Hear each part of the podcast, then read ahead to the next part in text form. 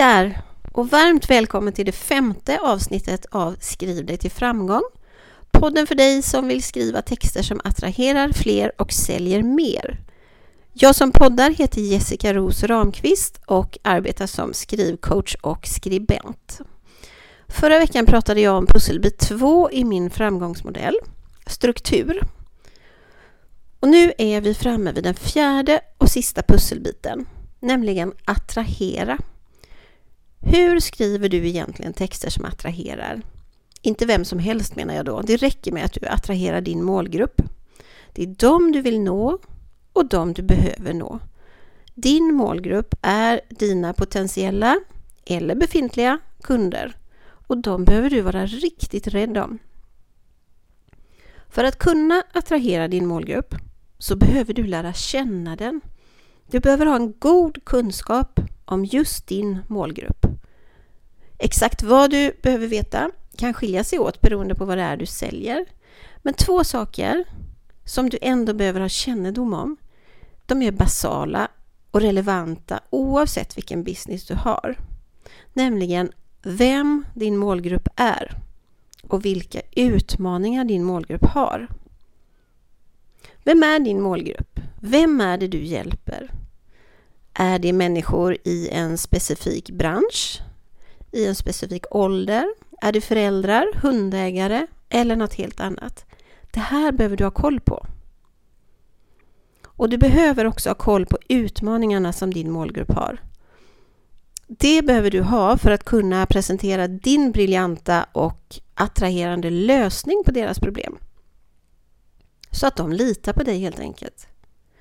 Och utöver de här två sakerna, eller vad ska jag säga, som du behöver ha kännedom om. Vem är din målgrupp och vilka utmaningar har din målgrupp? Så kan det vara relevant för dig att ta reda på ännu fler saker om din målgrupp. Till exempel kan det vara viktigt med ålder. Om du riktar dig till en viss åldersgrupp så är det bra att ringa in den. Du behöver prata och skriva på det sätt som attraherar just den ålderskategorin. Du väljer sannolikt inte samma ord när du kommunicerar med en 18-åring som när du kommunicerar med någon 60 plus. Det kan också vara viktigt att ta reda på vad de arbetar med. Det ger dig nämligen möjlighet att använda dig av eh, deras branschspecifika ord när du skriver. Ord som ger dig ett försprång genom att du signalerar kompetens. Aha, den här människan, hon kan sina grejer. Akta dig för att använda branschspecifika ord bara för att, vill jag dock varna för. Du behöver förstå ordens innebörd för att liksom på ett snyggt sätt kunna slänga dig med dem lite här och var. Intressen då? Vad har din målgrupp för intressen? Beroende på vad du säljer så kan det vara intressant att känna till din målgrupps intressen. Är din målgrupp till exempel hundägare så kan du fundera på om det ligger i deras intresse att eh, träna lydnad, agility, jakt eller något helt annat. Den bakgrundsinformationen kan hjälpa dig att skriva så att du attraherar just din läsare. Precis som att om du säljer bilar så kan det vara superbra att ta reda på om bilen behöver rymma tre bilbarnstolar, två barnvagnar eller ett par golfbägar. Det är ganska avgörande vilken storlek på bil du behöver då. Det kan låta lite som överkurs men oj vad du har en fördel av att känna till din målgrupps intressen. Sen kan också geografisk belägenhet vara intressant. Också det naturligtvis beroende på vilken bransch du är inom. Eh, är du online så spelar det kanske ingen roll, men om du till exempel erbjuder eh, mestadels lokala event, men kan tänka dig att flytta dig inom några mils radie, ja men då är det ju intressant att ta reda på vilka i din målgrupp som faktiskt befinner sig där du är. Eller i alla fall ungefär där du är. Men varför behöver du överhuvudtaget känna till alltihopa det här om din målgrupp då?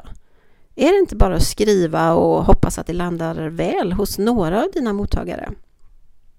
Jo, visst kan du jobba så om du vill. Men det kommer att ta så mycket längre tid att faktiskt nå ut, att nå fler. Och det är ju det du vill. Du vill skriva så att du attraherar fler. Av den enkla anledningen att du då säljer mer. Och du måste sälja, eller hur? Så ju mer du lär känna din målgrupp, desto enklare kan du anpassa dina texter efter deras behov, önskemål och språk. Om vi tar mig som exempel så riktar jag mig främst till soloföretagare.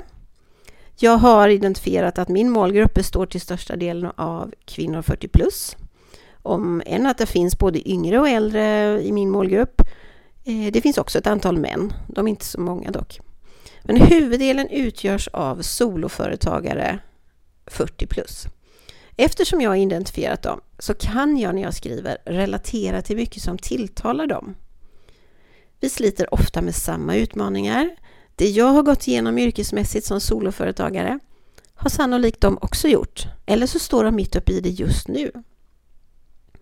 Jag kan vara personlig och hämta glimtar ur min vardag som sannolikt är relativt lik deras vardag. Och vad har det för betydelse då?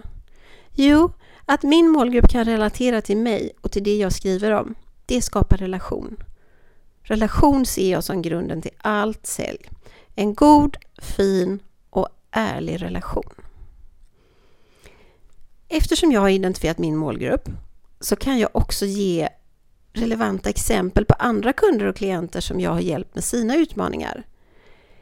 Till exempel andra i min målgrupp. Då kan min målgrupp utan problem relatera till de utmaningarna. Dels blir det i min målgrupps ögon ett kvitto på min expertis. Men det ger också en slags, eh, vad ska jag säga, känslomässig koppling. Kan hon kan jag, kan jag kan du och så vidare. Det är extremt svårt att prata attraherande texter utan att prata om den viktiga rubriken. Ibland känns det som jag bara pratar rubriker, men den är så viktig. När du skriver är rubriken och din texts eh, första meningar avgörande för att fånga din läsares uppmärksamhet. Redan här kan och bör du attrahera. Så när du tänker rubrik, tänk eh, siffror. Du kan till exempel skriva tre sätt att skriva en lockande rubrik. Ett annat bra sätt är att låta rubriken vara en fråga. Och för mig skulle det kunna låta Vill du skriva lockande rubriker? Och du kan också lösa ett problem redan i rubriken. Eller ja, lösa och lösa. Du kan i alla fall tala om att du kan lösa ett problem. För mig kan det låta så här. Så skriver du lockande rubriker. För då har jag talat om att nu löser jag ditt problem här och, och hjälper dig att skriva en lockande rubrik. Rubriken behöver väcka tankar och känslor. Alla sorts känslor är bra. Nyfikenhet, provokation, skratt och till och med irritation kan vara bra. Du behöver skriva rubriken på ett sätt som attraherar till vidare läsning så att din läsare är nyfiken. Det kan man ju vara även om man blir provocerad. Om vi fortsätter med exemplet eh, lockande rubriker så kan en rubrik som eh, Lockande rubriker gör halva jobbet åt dig skapa en känsla av lättnad. Aha, var det inte svårare än så? Då ska jag satsa på lockande rubriker så slipper jag göra en stor del av jobbet. Du kan också ge ett löfte i rubriken.